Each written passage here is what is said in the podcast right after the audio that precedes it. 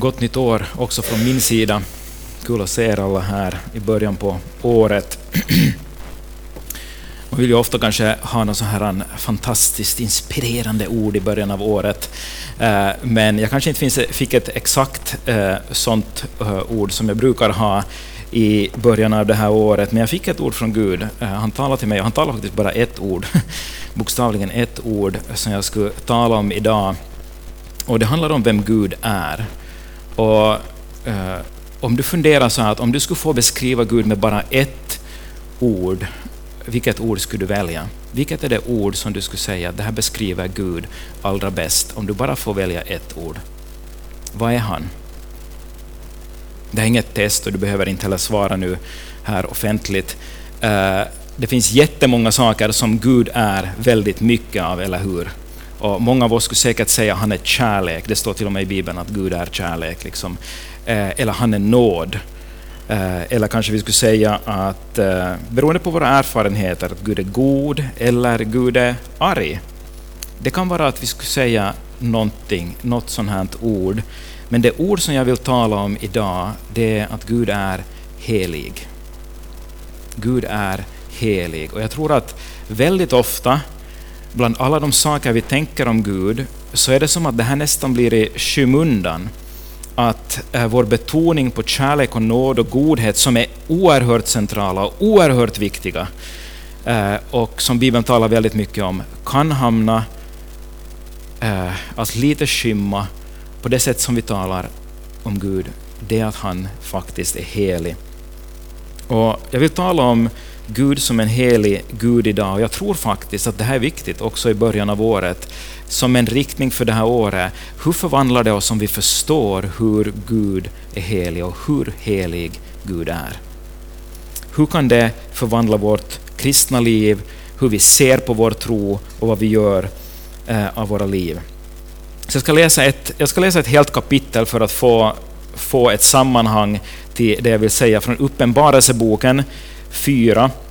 Och det här kommer precis efter att eh, Johannes har fått ett specifikt, ett unikt eh, personligt ord till sju olika församlingar.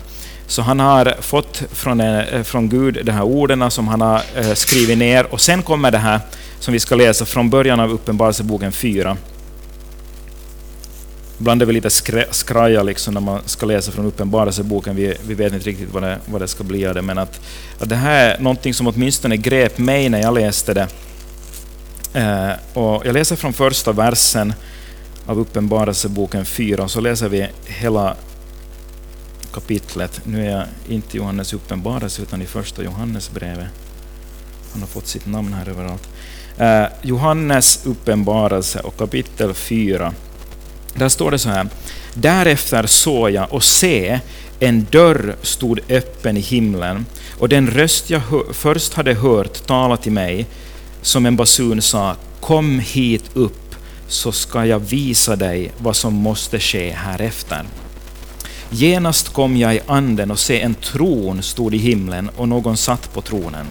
Och han som satt på den såg ut som en sten av jaspis och karneol och en regnbåge som en smaragd omgav tronen. Runt omkring tronen stod 24 troner och på dessa troner satt 24 äldste klädda i vita kläder och med kronor av guld på huvudet. Och från tronen kom det ut blixtar, dån och åska och framför tronen brann sju facklor, det är Guds sju andar. Framför tronen låg liksom ett hav av glas, klart som kristall mitt för tronen och runt om den stod fyra väsen som hade fullt med ögon fram till och bak till. Det första väsendet liknade ett lejon, det andra en ung tjur, det tredje hade ett ansikte som en människa och det fjärde liknade en flygande örn. Vart och ett av de fyra väsendena hade sex vingar och det hade fullt med ögon runt om och på, på insidan av sina vingar. Dag och natt säger det utan uppehåll, helig, helig, helig är Herren Gud, den allsmäktige, han som var och som är och som kommer. Och när dessa väsen prisar, ärar och tackar honom som sitter på tronen och som lever i evigheternas evighet, då faller de 24 äldste ner inför honom som sitter på tronen och tillber honom, och le, honom som lever i evigheternas evighet. De lägger ner sina kronor inför tronen och säger Du, vår Herre och Gud, är värdig att ta emot pris, ära och makt, ty du, ty du har skapat allt, genom din vilja kom det till och blev skapat. Nu finns det ju väldigt mycket man skulle vara frestad att gå in här och börja tolka och förklara och fundera vad det kan betyda. Men det ska vi inte göra idag. Det vi kan säga är att vad, vad Johannes ser, han får liksom en glimt in i himlen. För en liten stund dras ridån upp för Johannes och så ser han vad som händer konstant i himlen. Vad som pågår där. Vad är det som händer i det allra heligaste där Gud sitter på sin tron? Och han har ganska svårt att beskriva det. Eh, han försöker, men han tar hela tiden till ord som det var som en sten av jaspis och karneol, eller liksom ett hav av glas. Väsendena liknade. Han kan inte fullständigt beskriva det han ser där på andra sidan. Det är någonting sånt som mänskliga ögon eh, här på jorden aldrig har sett det som väntar på, på andra sidan kan vi inte föreställa oss och räkna ut. Utan det går bara att se det. Och han försöker beskriva det. Men sen kommer han till den här punkten när han säger vad som händer där. Först beskriver han vad han ser, han gör ett gott försök. Och så kommer han till den här punkten när han börjar beskriva vad som händer där. Och då säger han i vers 8 att dag och natt, om de här väsendena, dag och natt säger det utan uppehåll. Helig, helig, helig är Herren Gud, den allsmäktiga, han som var och som är och som kommer. Och det första jag vill, vill säga, den första punkten, det är att, att Gud kan bara förstås i ljuset av hans helighet. Du kan inte förstå vem Gud är och hurdan han är utan att först förstå någonting av hans helighet.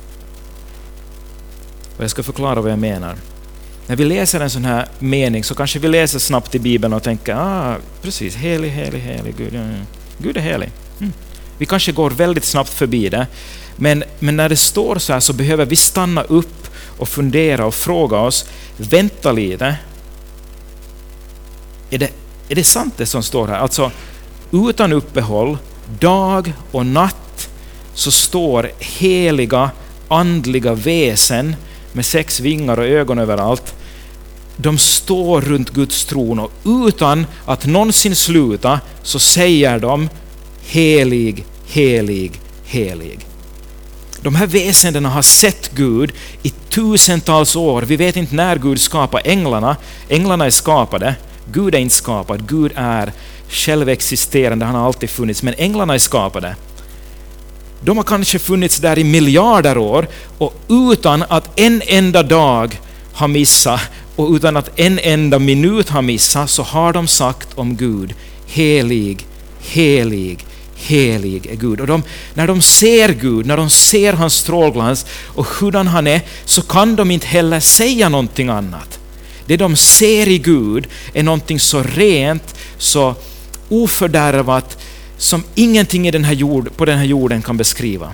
Ingenting annat i den här världen kan liknas vid. Och det enda de säger är helig, helig, helig är Gud allsmäktig. Då måste vi fråga oss att varför säger de just det här? När Gud är så många olika saker, varför säger de här väsendena fortgående, nonstop, i evigheternas evighet. Helig, helig, helig är Herren Gud. Det är av största betydelse att stanna upp och fundera när vi läser någonting sånt här. Jesaja har en ganska liknande upplevelse. Du vet att, eh, att först kommer det några kapitel i Jesaja där han får sina första syner, men sen beskrivs det i kapitel 6 i Jesajas bok, så beskrivs det när han får sin kallelse. Då står det så här, Jesaja 6 och från vers 1. I det år då kung Ussia dog såg jag Herren sitta på en hög och upphöjd tron och släpet på hans mantel uppfyllde hela templet. Serafer stod ovanför honom, var och en hade sex vingar, med två täckte de sina ansikten, med två täckte de sina fötter och med två flög de. Och den ene ropade till den andra, helig, helig, helig är Herren Sebaot, hela jorden är full av hans härlighet. Rösten från den som ropade fick dörrposterna att skaka, trösklarna att skaka och huset blev uppfyllt av rök. Han ser någonting som påminner väldigt mycket om det som Johannes ser i Uppenbarelseboken. Det är bara skillnaden är den att det här händer många hundra år tidigare. Jesaja levde på 700-talet före Kristus och Johannes levde förstås på första århundradet eh, eftersom han var samtida med Jesus. Igen, den korta stund en människa får blicka in i himlen för en liten stund vad är det han hör sägas i himlen hela tiden? Helig, helig, helig är Herren Sebaot. Du undrar vad Sebaot betyder? Allsmäktig, som Johannes hörde, det förstår vi, men Sebaot betyder härskarornas Gud. Den som är Herre över härskarorna. Härskarorna är nu de himmelska andliga väsendena och allt som finns. Den som är Herre, härskarornas Herre. Det här pågår konstant och det upprepas tre gånger. Och när vi vill betona någonting, om du skriver en text, kanske du skriver en uppsats eller du skriver ett brev eller du skriver en infomail till någon, så vill du betona någonting. De som tjänar här i församlingen vet att jag är kanske lite extrem och överbetonar text. Så jag brukar sätta fet stil och jag gör understrykningar och kursiverat för att markera det som är viktigast i mejlet. Så om någon av händelser, det förstås gäller inte de som tjänar i vår församling, men om någon av händelser skulle ha bråttom så kan de bara läsa det som är markerat med fet stil, kursiverat eller understryket. Så vi markerar på det sättet, men vad Bibeln gör, när Bibeln vill understryka någonting, så upprepar Bibeln. Du kan se det på olika sätt genom Bibeln. I psalmerna så kan det vara att samma sak sägs två gånger men på lite olika sätt. Det upprepas för att förstärka det. Och om du läser hur Jesus betonar saker så säger han ibland, har du märkt det, sannerligen, sannerligen säger jag er. Det skulle inte räcka med sannerligen. Nej, sannerligen, sannerligen säger jag er, eller amen, amen säger jag er, för han vill få deras uppmärksamhet. Han berättar saker, han undervisar och sen säger han nu, nu är det liksom your captain speaking, det här är det viktigaste du behöver höra. Amen, amen säger jag er, så här är det. Några få gånger i Bibeln så hittar du att någonting upprepas tre gånger. Men när du ser på Guds egenskaper, hur Gud beskrivs, så finns det bara en egenskap om Gud som nämns tre gånger. Och det är det här. Helig, helig, helig. Det är det enda som sägs om Gud tre gånger efter varandra. Att han är helig. Av alla attribut som vi kan ge Gud är det bara helig som nämns på det här sättet. Det står aldrig i Bibeln kärlek, kärlek, kärlek är Herren. Fast vi vet att han är kärlek. Jag säger bara att det står aldrig på det sättet. Det är inte det främsta som sägs om Gud. Kärlek, kärlek, kärlek är Gud den allsmäktige. Eller nåd, nåd, nåd är Herren. Du hittar det ingenstans. Eller vrede, vrede, vrede är Herren. Det enda du hittar om Gud det är att Bibeln säger helig, helig, helig är Herren. Det är som om Bibeln vänder sin spotlight till den här ena saken, Guds helighet och säger om allt du behöver förstå om Gud måste du först förstå att han är helig. För utan att förstå det så kommer inte alla de andra sakerna heller att landa rätt. Du kan inte förstå Guds kärlek fullständigt utan att förstå Guds helighet. Du kan inte förstå Guds nåd utan att förstå hur ren, oförvitlig och helig han är. Du kan inte förstå vad det krävde av Jesus att gå till korset utan att förstå den helighet han ägde i himmelen före han blev människa.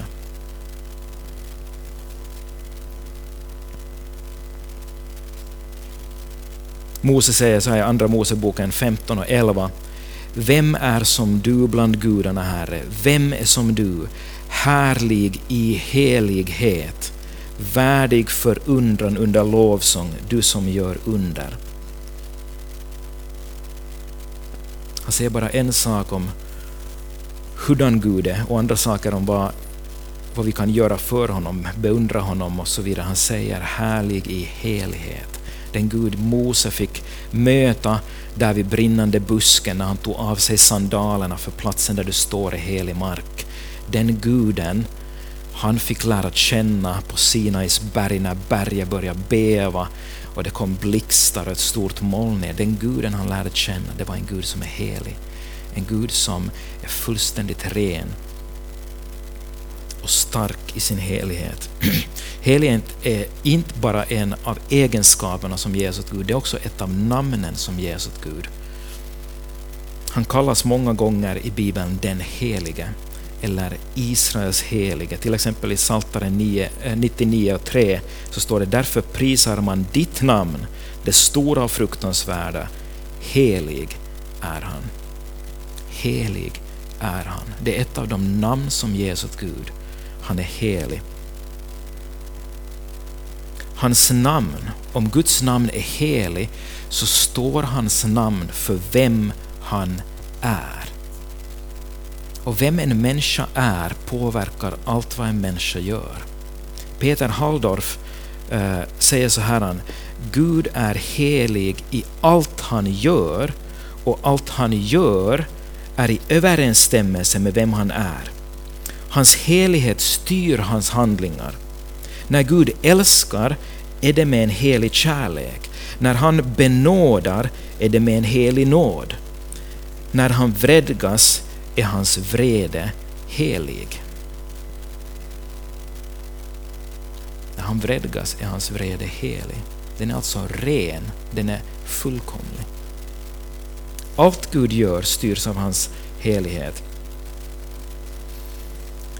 Jag tror att många gånger i dagens samhälle och i vår kristenhet där vi betonar Guds kärlek och nåd och godhet som är väldigt viktiga och som är väldigt centrala för Bibeln, så blir det på bekostnad av hans helighet och hans storhet. Vi vill på något vis kanske göra Gud, kanske tämja Gud lite för dagens människor.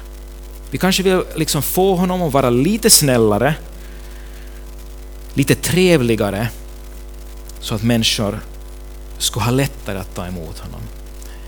Men det här är fullständigt liksom dissonans med hur Bibeln beskriver Gud och hur Bibeln säger att Gud möter människor.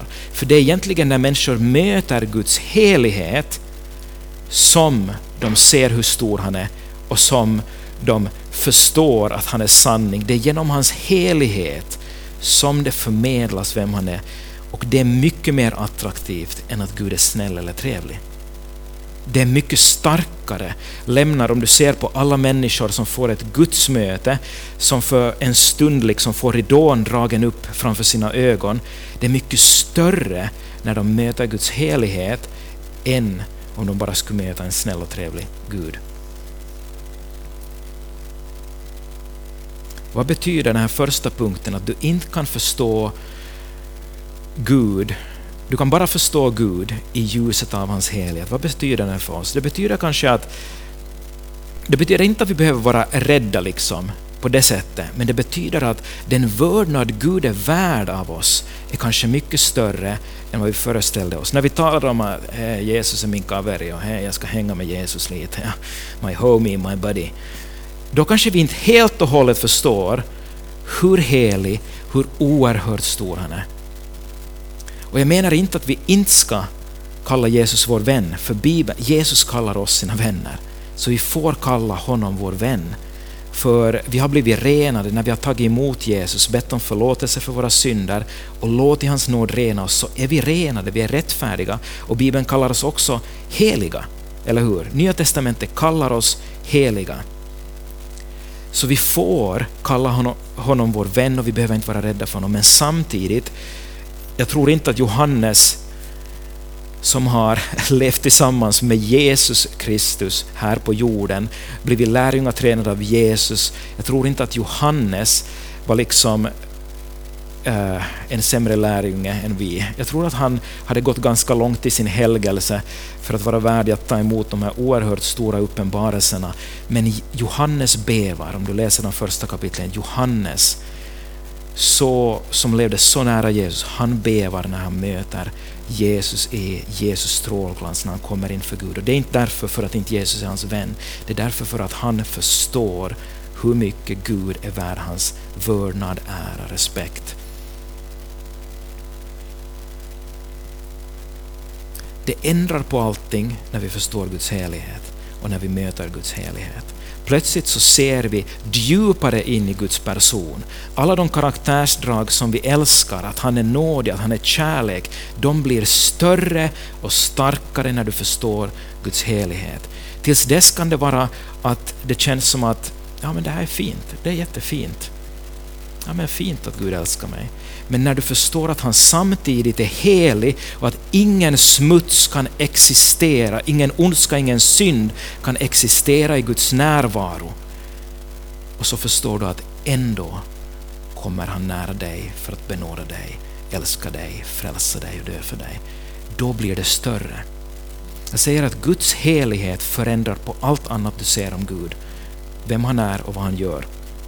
Jag såg ett videoklipp för ganska länge sedan, jag vet inte riktigt när det hände, men i det här videoklippet så är det en till synes medelålders, eh, ganska otränad man, han verkar liksom vara lite så här, han har lagt på några kilon, han har skägg och stripigt hår, han är på, på ett torg någonstans i, i Europa. Och han har med sig en fotboll. Och så börjar han lite sådär lira fotboll där, den här liksom lite klumpiga mannen, så sparkar han den liksom till någon, men människor går bara förbi sådär, liksom att sparka inte bollen på mig. Så, så lirar han där och så börjar han göra lite trick där på torget, eh, lite fotbollstrick och nicka den och så vidare. Och han försöker passa den till folk, men någon kanske ger honom en passning tillbaka och så går de vidare. Någon jagar bollen en liten stund med honom men springer vidare. Är det någon som har sett det här videoklippet? Några har sett det. Han lirar där en stund och ingen är riktigt intresserad. Det är ingen som filmar det, det är ingen som följer med det. Sen kommer det en liten kille som börjar liksom ta upp det där. Han börjar sparka boll med honom eh, och de börjar jaga bollen liksom och, och finta och de håller på riktigt länge. Och sen mitt i allt så slutar de och så, ser, så tar den här mannen eh, med, med skägget och stripigt hår, han tar upp bollen och så frågar han vad heter du? Eh, jag minns inte vad han hette kanske Nikolas eller något sånt här. Så, så, här, okay. så skriver han en tillägnad på bollen. Och sen ger han bollen åt honom, så tar han av sig håret, tar han av sig skägget, tar han av sig mustaschen och så kommer hela torget i rörelse på en gång. Alla börjar, det bara går som ett sorl genom torget och alla samlas och det är Cristiano Ronaldo. Alla de där människorna som fick en passning av honom eller som bara gick förbi de tog inte chansen att spela fotboll med Ronaldo. De såg inte vem han var. Och han fintade och han, gjorde trick och allting där. Men de såg inte vem han verkligen var. De bara gick förbi. En liten pojke började spela med honom. Och inte vet jag vad den här pojken förstod heller. Men när han ser den här pojken står bredvid honom bara tappar hakan och och sen efter en stund så ser man honom gråta där med sina föräldrar, liksom att jag mötte Ronaldo. Och han har en boll signerad av Ronaldo. Och nu säger jag inte att någon bild är perfekt, någon bild vi kan ta här på jorden är perfekt över vem Gud är, men det finns någonting i det här att många kristna, vi fintar lite med Gud, vi kanske passar bollen tillbaka, ah, nu kom det en passning, där får du Gud. Och, och vi, vi liksom förstår inte, vi ser inte storheten. Det är som att det som är dolt på insidan av Gud, vi, vi kanske inte bryr oss om att ta reda på det. Och skulle vi plötsligt veta hur helig Gud är, skulle samma sak hända med oss som med alla människorna på torget. Till, till, slut var hela torget fullt av människor. Alla följde honom, alla ville hälsa på Ronaldo, alla ville ta sin bild tillsammans med honom. För plötsligt så ser de att det här är liksom fotbollens kung. Eh, just nu. Han är en av de största spelarna. Nu vet inte jag mycket om fotboll, du får rätta mig, jag bryr mig efteråt om jag har fel. Men han är en av de stora spelarna. Alla vill känna honom, alla vill veta vem han är, alla vill hänga nära honom plötsligt. Guds helighet förvandlar. Guds helighet, han är så stark. Om vi för en stund skulle bry oss om att se liksom bakom chimären, eh, bakom allt det andra vi tänker om Gud och se han är helig, så skulle vi bli helt tagna.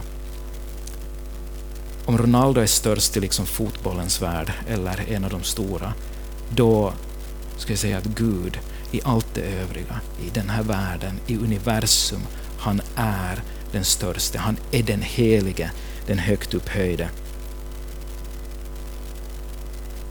När vi förstår det så förändras det hur vi relaterar till honom. Hur nära vi vill vara honom, hur mycket vi respekterar honom, hur mycket vi ser upp till honom. Okej, punkt två, det, det andra. Helig betyder, vad, vad ordet helig betyder? Helig betyder avskild, upphöjd och ren. Vi har redan varit inne på det här.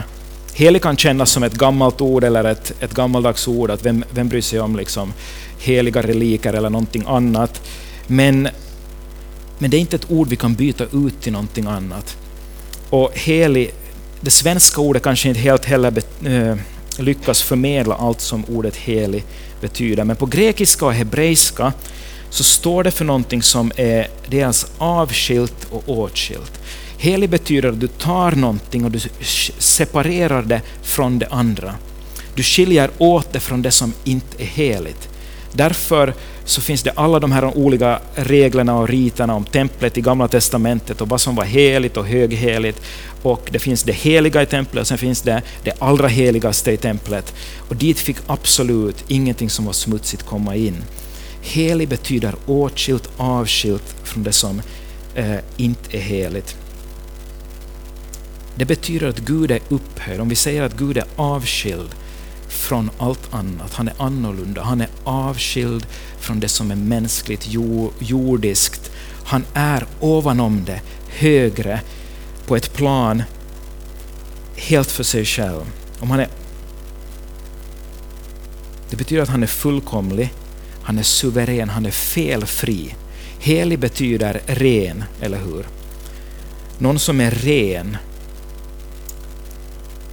Det finns ingen fläck, ingen synd, ingen smuts i närheten av Gud.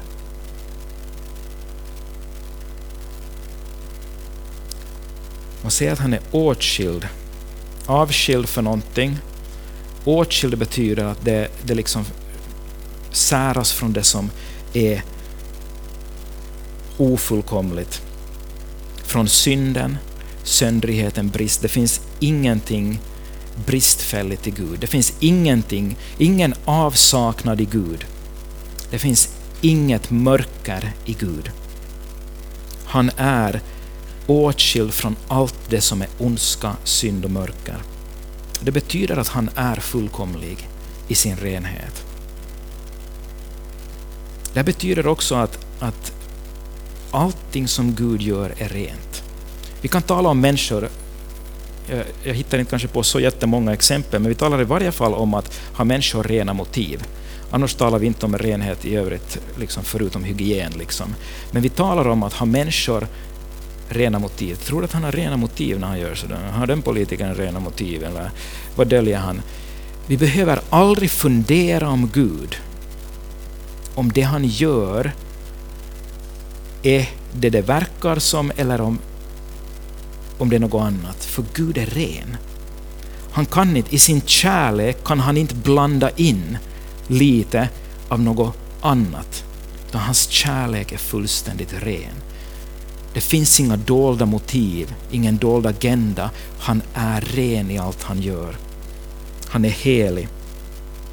Det betyder också att i Gud finns helhet på ett sätt som det inte finns i den här världen. Ingenting i den här världen är fullkomligt. Vad vi ser i den här världen är bara en bristfällig bild av vem Gud är. Vi kan se förstås, vi kan se skönhet, vi kan se godhet, men ingenting av det är fulländat efter syndafallet. Ingenting av det är fullkomligt, men i Gud är allt fullkomligt. I honom är allting alltigenom rent.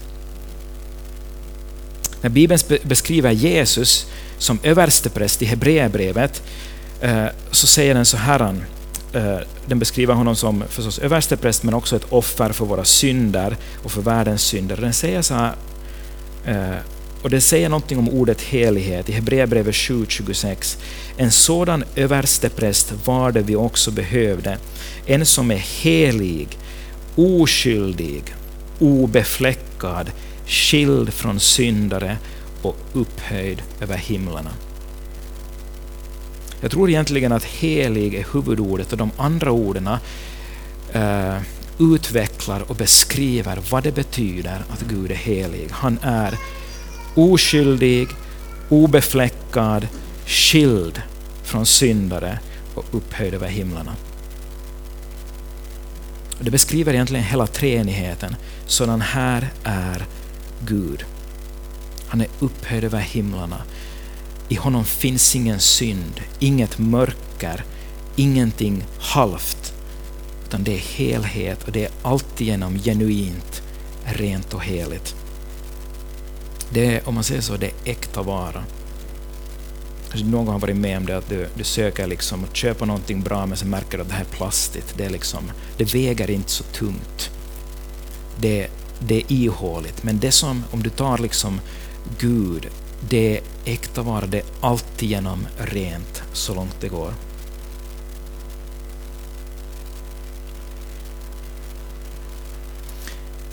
Och helig betyder också annorlunda. Jag ska förklara det. För att Gud är så helig, han är annorlunda än det han är skild från. När vi försöker beskriva Gud här, det är därför det egentligen är nästan omöjligt att fullständigt beskriva Gud, för Gud är så annorlunda än allt det vi kan hitta här i världen, än våra mänskliga relationer. Om vi säger att Gud är som en kärleksfull far, så är det alltid någon som har haft en dålig erfarenhet och som inte kan koppla till det.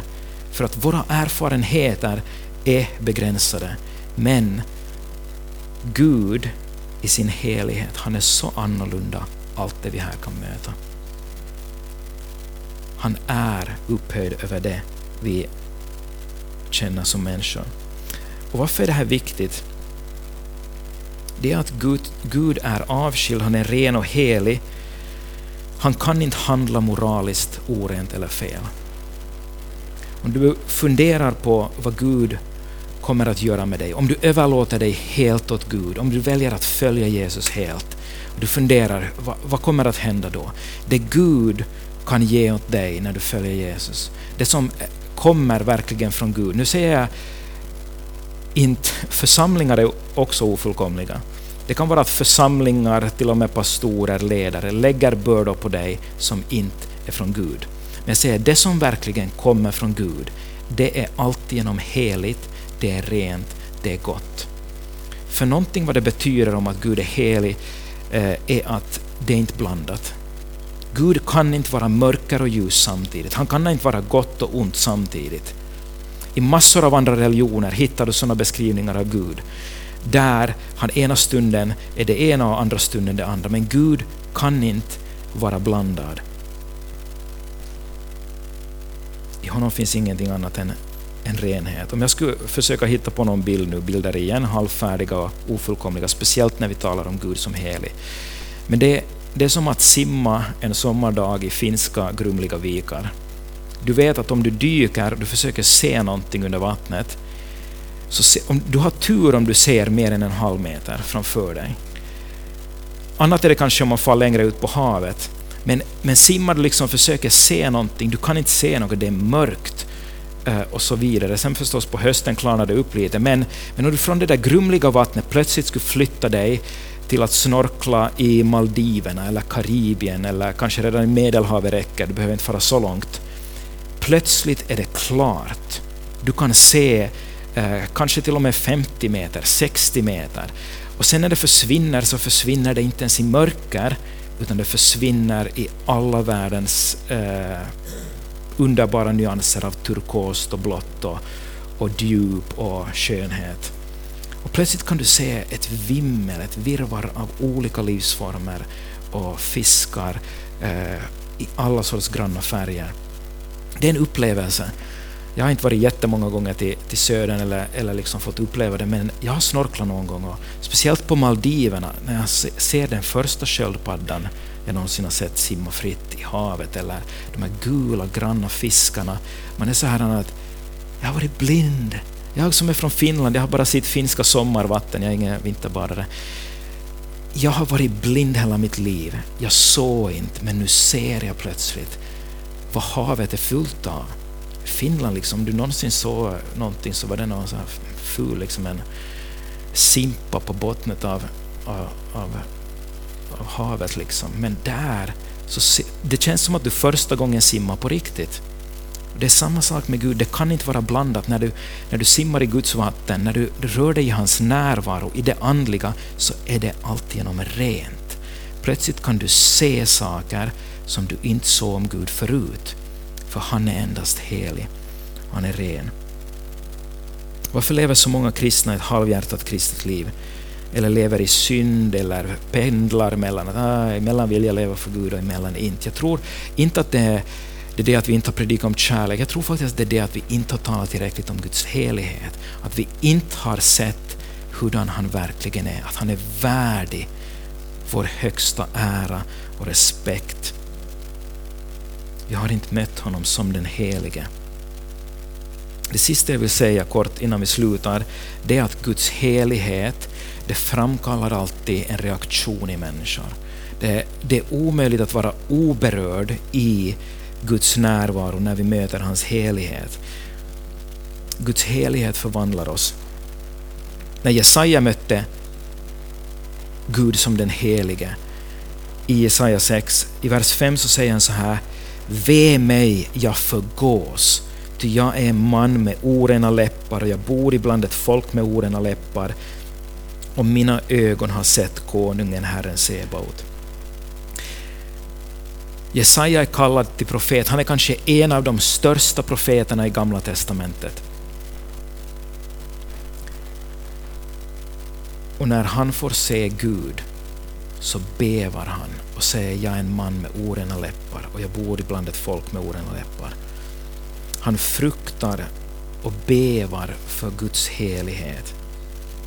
Guds fruktan är inte egentligen att vara rädd. Det är på ett sätt att vara rädd. Vi behöver ha en vördnad och respekt, men Guds fruktan det är att jag inser hur värdig den personen är som står framför mig, hur värdig Gud är. Och jag ger honom den ära och den respekt, jag visar den respekt som han är värd. Och efter det här så tar en ängel ett kol från altaret, ett glödande kol, och rör vid Jesajas mun med kolet och renar honom. Och det är förstås en bild av Jesus som dör på altaret och hans blod renar oss från vår synd. Och han blir renad och efter det så, så är han fortfarande, han kanske bevar men han har blivit renad, det, det hindrar inte honom. Det här beskriver alltså Gud i sin helighet måste hålla avstånd till synden och ondskan. Det är det som skapar den här klyftan mellan oss och Gud. Det är det som blir distansen mellan oss och Gud. Men när vi lär känna honom sådan han verkligen är och vi får ta emot eh, Jesu försonande offer och hans rening så tas den här klyftan bort och vi blir gjorda heliga. Helgelseprocessen att vi sakta mak blir mer lik honom. Vi talade om Mose som möter Guds helighet i den brinnande busken när Petrus ser Jesu mäktiga under med fiskfångsten, eh, det är i Nya Testamentet, i Lukas evangeliet, så öppnas hans ögon och för en stund inser han också vem Jesus är och hur helig Jesus är. Och så säger han så här, det står i Lukas 5.8, att när Simon Petrus såg det föll han ner för Jesus och sade Gå bort ifrån mig Herre, jag är en syndig människa. Gå bort ifrån mig Jesus, jag är en syndig människa. När Petrus inser och på något vis för en stund ser in i det här är Jesus. Han är helig, ren, han gör under. Det här är Gud mitt ibland oss. Så kommer han också till insikten om vem han själv är. Och det är först när du verkligen förstår vem du själv är som Guds nåd, försoning och helighet kan förvandla dig. Många kristna har glatt lyssnat till Guds kärlek och nåd och det ena och det andra, men de har aldrig kanske verkligen mött sig själva och inför Gud sett okay, det här är vem jag verkligen innerst inne är.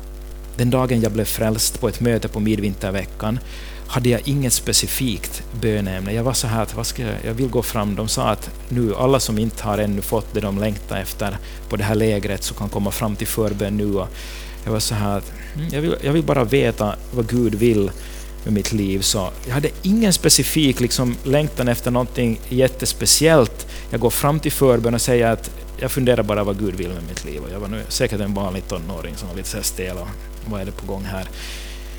Och så börjar eh, den här personen då be för mig, det var Magnus Mikander från baptiströrelsen, han börjar be för mig. Den stunden han började be att jag skulle få veta Guds vilja så var det som att en ridå drogs upp. Jag förstod att jag är oändligt syndig. Jag är oändligt syndig. Jag har gjort saker mot människor, mot mig själv, som är så ovärdigt, som inte var kärlek, som var själviskt, som var ondska, som var mörker. Det var som att på en sekund så drogs det upp och jag såg mig själv. Men i samma sekund så såg jag Jesus Kristus på korset. I samma sekund så såg jag för första gången i mitt liv verkligen vem Jesus var. Det var först när jag såg vem Jesus var och vem jag själv var som jag verkligen kunde beröras av Guds helighet och ett nytt liv kunde börja. Det är den dagen jag blev född på nytt. Den dagen mitt liv förvandlades, eller vi ska säga börja förvandlas för jag är inte färdig ännu. Men det finns någonting i det där att när du möter Guds helighet och ser vem han är så uppenbaras det vem du är. Men samtidigt så uppenbaras det vem Gud är och vad han kan göra för dig. Och hur oerhört mycket han älskar dig. Du måste förstå det här att Gud är helig gör inte att hans kärlek och nåd är mindre än vad vi tror. Många liksom sätter de här som motpoler. Ja, ena sidan så är Gud kärlek och andra sidan, här borta, så är Gud helig. Nej, utan de är på samma sida. Guds helighet och kärlek står tillsammans. Guds helighet gör istället att Guds kärlek, godhet och nåd är renare, högre och större än vad, du skulle, vad de skulle kunna vara utan hans helighet. Det är Guds helighet som gör att han kan dö för dina synder. Samtidigt som hans helighet skiljer sig, äh, gör att han måste skilja sig från det som är synd och smutsigt och ingen synd och smuts kan komma in i himlen, så är det hans helighet, att han är fullständigt ren i sin kärlek, oförvitlig i sin längtan att hjälpa människorna som gör att han kan stiga ner. Om inte han skulle vara helig så skulle han inte kunna dö för alla människors synder på hela jorden. Bara han kan välja att stiga ner och dö för våra synder. Om du vill på något vis försöka greppa, jag säger inte att det går, men om du vill försöka, du får ju försöka på saker i livet, försöka greppa hur helig Gud är, så kom den här meningen till oss medan vi lovsjöng och jag satt här, det hade jag inte skrivit på förhand. Det som kom till mig var det här, om du samlar hela jordens alla människors ondska och mörker tillsammans. Allt som någonsin har skett genom historien, all den ondska, varenda ett mord, varenda ett krig, varenda en våldtäkt, varenda en ond sak som har begåtts i den här världen, samlar ihop det till ett. Så är Guds helighet starkare och större än vad människornas totala synd och ondska är. Det är hur helig han är. Det går inte att beskriva hur helig han är. Men för att kunna dö för all denna ondska och alla dessa synder så måste han ha varit minst heligare än det.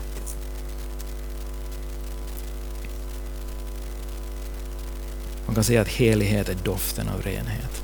Helighet har en doft. Det doftar rent och du vet skillnaden när du kommer till en plats det endera växer, äh, vad heter det, äh, doftar sunkigt, det växer mögel liksom. Det, det doftar som att någonting har dött på den här platsen.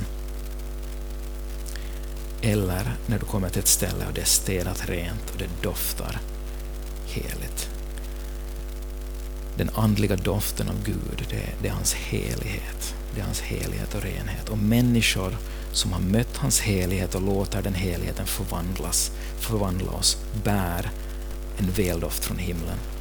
Och det är det som Gud längtar efter för dig. Oavsett vad du har gått igenom, oavsett vad du kämpar med för synd, Gud längtar efter att rena dig, att låta dig få möta hans helighet och förvandla dig en gång för alltid. Så att du kan få sprida det som Bibeln kallar Guds kunskaps väldoft. En Kristi väldoft. Paulus beskriver oss som en Kristi väldoft, alltså en doft av himlen. Och när vi låter Guds helighet förvandla, förvandla oss så blir vi bärare av någonting av himlen. Vi kan inte fullständigt återge himlen, men vi kan sprida en doft av helighet här på jorden. Och det längtar Gud efter att göra i ditt liv.